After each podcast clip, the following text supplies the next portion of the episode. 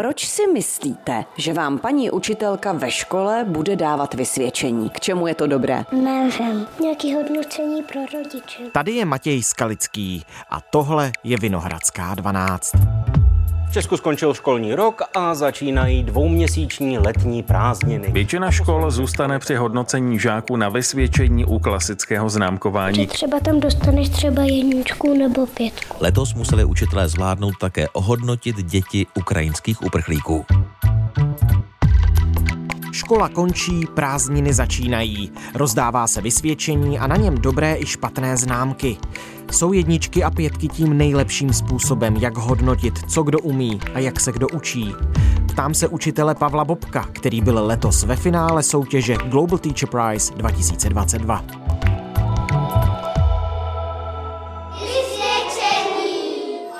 Dnes je čtvrtek, 30.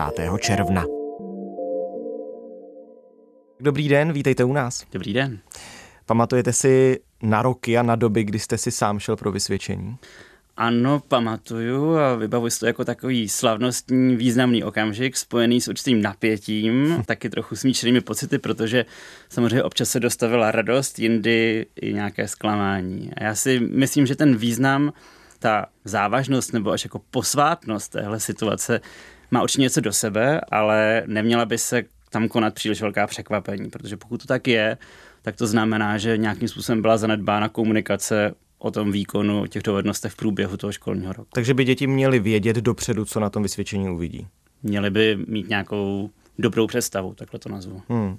Vy učíte na základní škole Solidarita v Praze. V jakém psychickém rozpoložení žáci chodí pro vysvědčení?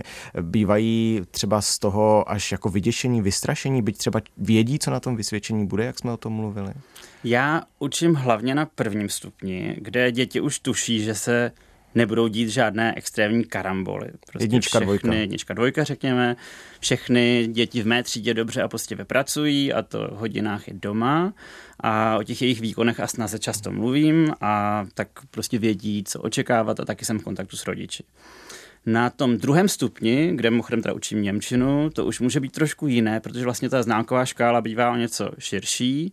Taky se u těch tříd vystřídá za ten den spoustu učitelů, takže vlastně nikdo nemá nějaký úplný obrázek o tom, jak na tom dané dítě celkově s tou školou je a snadno se tak něco opomene. No a když se takhle během toho pololetí nahromadí určité problémy a ty se neřeší, tak to vysvědčení pak může být nějakou stresující zkušeností a já myslím, že my musíme prostě přijít za svou myšlenku, že děti, teenageři prostě nemohou být ještě úplně stoprocentně zodpovědní za, za svoje učení. My musíme pomoct a oni potřebují prostě tu naší oporu, aby se téhle situaci dokázalo předejít. Mm-hmm.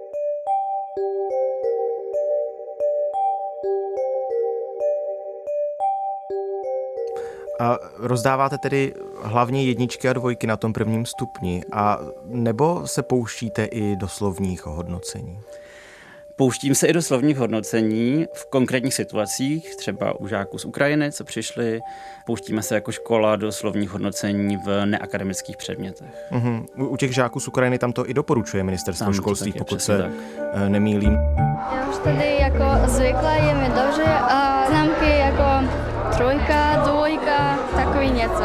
Ukrajinka Daniela ze Zakarpatské oblasti. Do školy chodí ukrajinští žáci jen pár týdnů. Podle metodického pokynu ministerstva školství můžou zvolit jak známkování, tak slovní hodnocení nebo kombinaci obojího. A jen z těch předmětů, které ukrajinské děti měly šanci zvládnout i z horší znalostí češtiny. Mohla chodit jen na některé předměty. Fyzika, matematika, Němčina, zeměpis, dějepis. Hodnocení bude slovní a bude tak, jak se vyvíjeli, jak je vidím těch pár měsíců od toho března do teď. Učitelka Hana Karcolová. Jak se prostě zorientovali v tématech, většina teda výborně musím říct. No jak to vypadá to slovní hodnocení? Prostě místo jedna výborně napíšete, žák se učil po celý rok skvěle, výtečně, splnil všechny své domácí úkoly a já jsem s ním spokojen?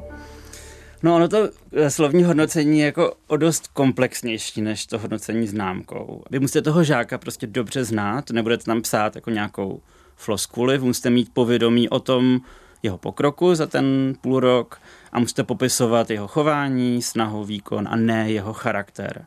A to je asi takové jako zlaté pravidlo pro ta slovní hodnocení. Nehodnotí se osobnost dítěte, nehodnotí se jeho talenty nebo jeho dispozice, tedy to, co je nějakým způsobem dané, ale popisuje se jeho chování, jeho snaha, prostě to, co učitel konkrétně vidí a v čem se ten žák nebo každý z nás nakonec může zlepšit. Proto bych určitě radil se vyhnout větám typu jsi šikovný počtář, protože ty se vztahují prostě na nějakou danost. Místo toho, když napíšeme každý den trénuješ násobilku a díky tomu se děje XYZ, tak vlastně v téhle formulaci vypíchneme nějakou konkrétní akci, která to dítě posunula vpřed. Hmm, a navíc je to tedy silně motivační, protože ono ví, že když bude tu danou činnost dělat dál, tak se bude asi pravděpodobně dál zlepšovat. Přesně tak. Já naopak vidím, že ty slabší děti, které mají problémy se čtením, kdybychom opravdu známkovali už v té první třídě, tak by ty známky nebyly úplně pěkné. Slovní komentář místo známek využívá třeba soukromá základní škola Livingston. Podle ředitelky Petry Bakajsové lépe vypovídá o schopnostech žáka. Tohleto slovní hodnocení zabraňuje té demotivaci. Kde jsem každému napsala čtyři vlastnosti, co si o nich myslím. Učitelka Veronika Dobrovolná. Já jsem třeba psala, za tu dobu, co jsem tě poznala, si myslím, že jsi klidný, vyrovnaný, příjemný. Čtyři vlastnosti takhle za sebou vyjmenované a tím to skončilo.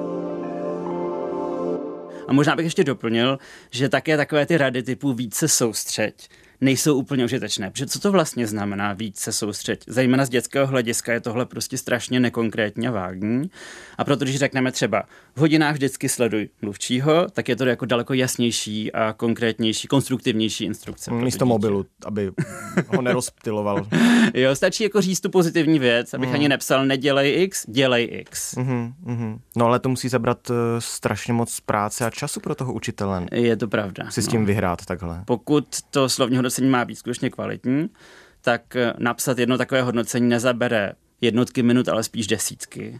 Ten učitel to musí spojit také s tím, jak učí, s tou formou výuky a v ní on by měl mít přehled o tom, jak se vlastně kterému tomu žákovi průběžně daří.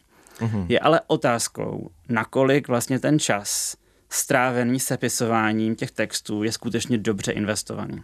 No, jsou a... na to nějaké psychologické výzkumy, jestli pro ty žáky je to skutečně přínosné? Jestli si tady my teď eh, o něčem nebavíme, ale ti žáci z toho ve výsledku nic nemají?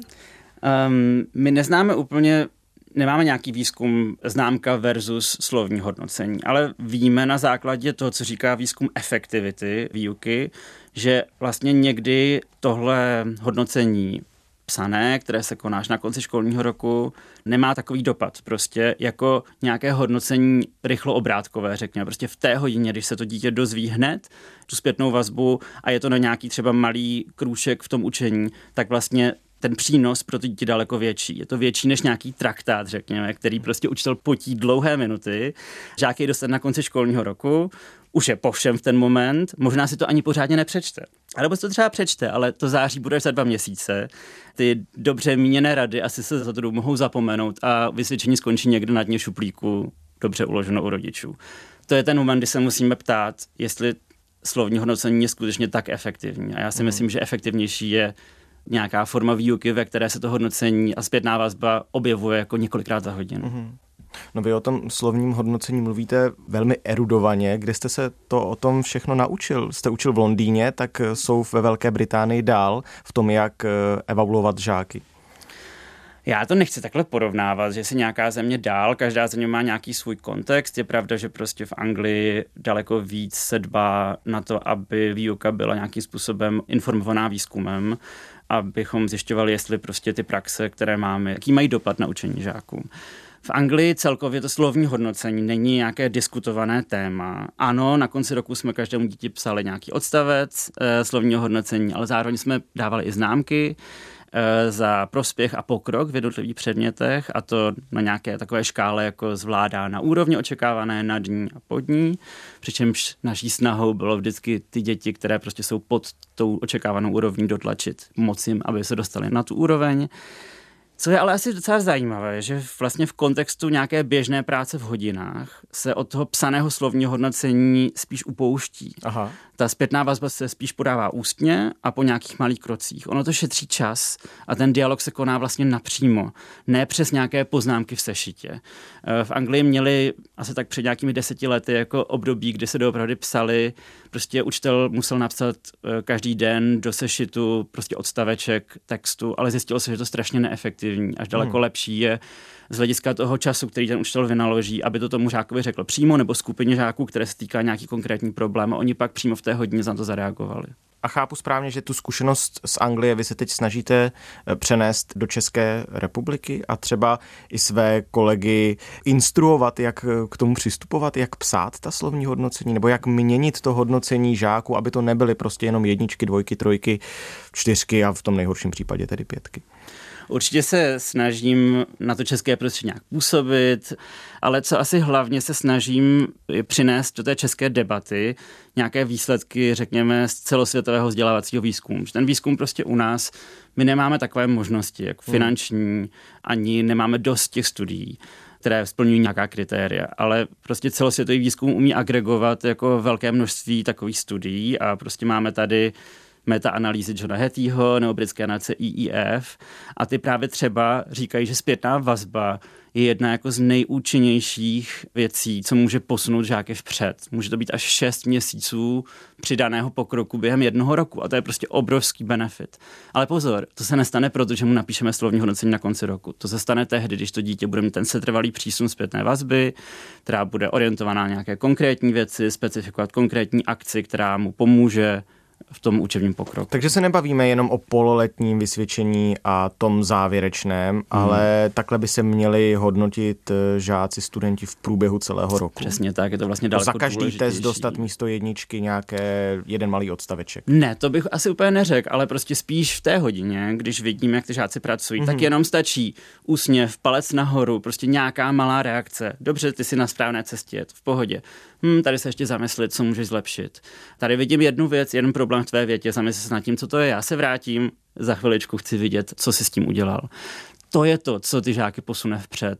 A určitě dobře, že se snažíme to slovní hodnocení u nás implementovat. Určitě to vede k tomu, že učitelé přemýšlejí víc nad tou svojí výukou, nad tím pokrokem těch žáků, nejenom z hlediska nějakého finálního výsledku, ale v průběhu. Ale je to takový začátek té cesty. Není to ještě jako ten cíl pro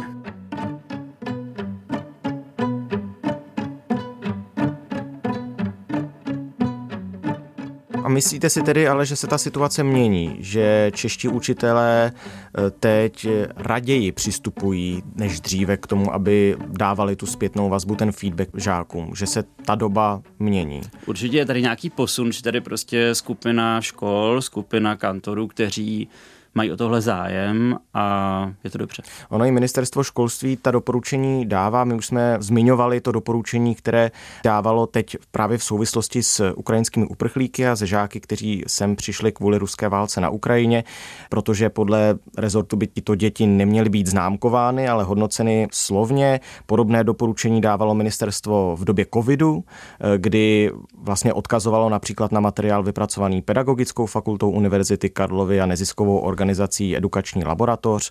Zatím to jsou ale ve výsledku, chápu to správně, pouze doporučení. Já si myslím, že asi nemá smysl něco úplně lámat přes koleno. Myslím si, že asi ten postupný přístup k tomu, to znamená dáme nějaká doporučení, postupně mět školy k tomu, aby zvážili nějaké alternativní formy hodnocení, je určitě správný, ale my musíme zajistit, aby ti učitelé taky v tom byli vyškoleni. Takže právě v momentě, kdy bychom třeba rozhodli od stolu o něčem a vlastně ty učitelé by ještě nebyli připraveni na to, že musí něco takového psát, tak to bude asi špatně, protože můžeme natropit spoustu škod tím, když právě se tam budou objevovat ty věty, prostě jsi šikovná, které vlastně tomu děti jako neřeknou nic k tomu, co třeba udělalo dobře, ale je to jako na takové ty fixní, zaměřené na ty fixní charakterové prostě vlastnosti nějakého člověka. Takže jsou potřeba nějaké kurzy pro ty učitele. Není to tak, že ze dne na den se to ten učitel naučí dělat a začne slovně hodnotit? Hmm, určitě to není ze dne na den, určitě to je nějaká o nějaké celé filozofii té výuky a já myslím, že my jako máme potíž někdy, že se příliš těžko rozhoupáváme k nějakým krokům. Takže někdy asi bylo potřeba prostě říct, teď prostě máme na to třeba pět let a za pět let to chceme prostě mít ale tahle kontinuita v českém vzdělávání ještě není úplně samozřejmostí, abychom věděli, co bude za pět let. A myslím si, že kdybychom se na něčem domluvili a ty školy by měly nějaký čas na to se na to připravit, tak eh, pak je to fajn, ale nemůžeme dnes říct, příští školní rok všichni hodnotíme známku v kombinaci se slovním hodnocením třeba. Hmm. Na to příliš brzy. Mm-hmm. No a má mimochodem to slovní hodnocení nějak, já nevím, mezinárodně stanovené parametry? Já jsem totiž ještě narazil na pojem formativní hodnocení. Slovní hodnocení je vlastně slovní forma nějakého ohodnocení. Za to formativní hodnocení je vlastně celá filozofie výuky, která si klade za cíl pomáhat dítěti během jeho učební cesty prostřednictvím nějakého sbírání dat o tom jeho učení a podávání zpětné vazby. A tu zpětnou vazbu může dávat učitel, může ji dávat spolužáci nebo i ten samotný žák sám sobě. Proto se také tomu formativnímu hodnocení v poslední době říká responsivní výuka. Je to vlastně zavádějící termín, to formativní hodnocení. Není to jenom o hodnocení, to vlastně hlavně o té formě výuky. A proto musíme jasně vést nějakou čáru mezi tím, protože slovní hodnocení není formativní hodnocení, je to rozdíl. Mm-hmm.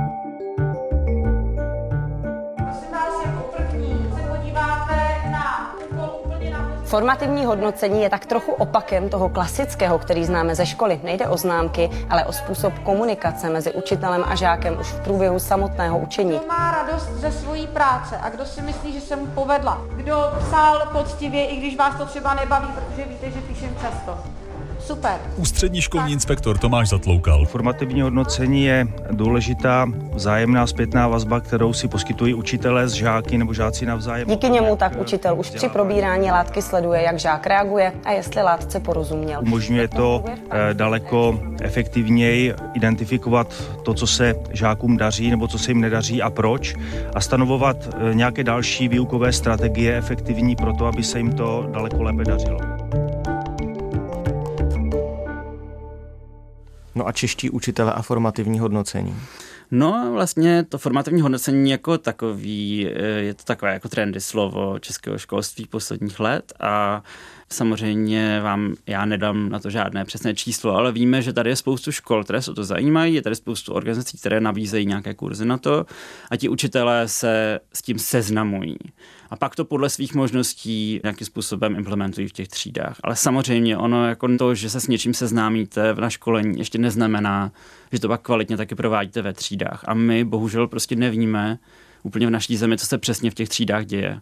Myslím si, že by bylo potřeba, abychom měli přesnější data o tom, jak se učí a pak můžeme taky říct, co jsou ty další klíčové kroky, co musíme udělat, mm-hmm. abychom pomohli jak učitelům a nakonec i těm žákům, protože prostě nakonec půjde o to, kolik dětí třeba tu základní školu vůbec dochodí a máme tady prostě v Česku regiony, eh, třeba na Karlovarsku nebo Ústecku se nepletu, kde 10 až 15% dětí v tom ročníku prostě neukončí základní školu a to je strašně velké číslo. My potřebujeme takovou formu výuky, která garantuje, že ty děti odejdou z té školy a umí to, co potřebují mm-hmm. pro mhm. další svůj život a rozvoj. Tomu, aby školy před známkami upřednostnily slovní hodnocení, vyzývalo ministerstvo také v minulém školním roce, a to v souvislosti s výukou na dálku při epidemii COVID-19. V pololetí hodnotila podle České školní inspekce většina škol přesto tradičně známkami. Slovní či kombinované hodnocení využila podle průzkumu inspekce aspoň v některých třídách asi čtvrtina škol. Změnu v přístupu k pololetnímu hodnocení tehdy provedlo 15% základních škol a méně než desetina středních škol.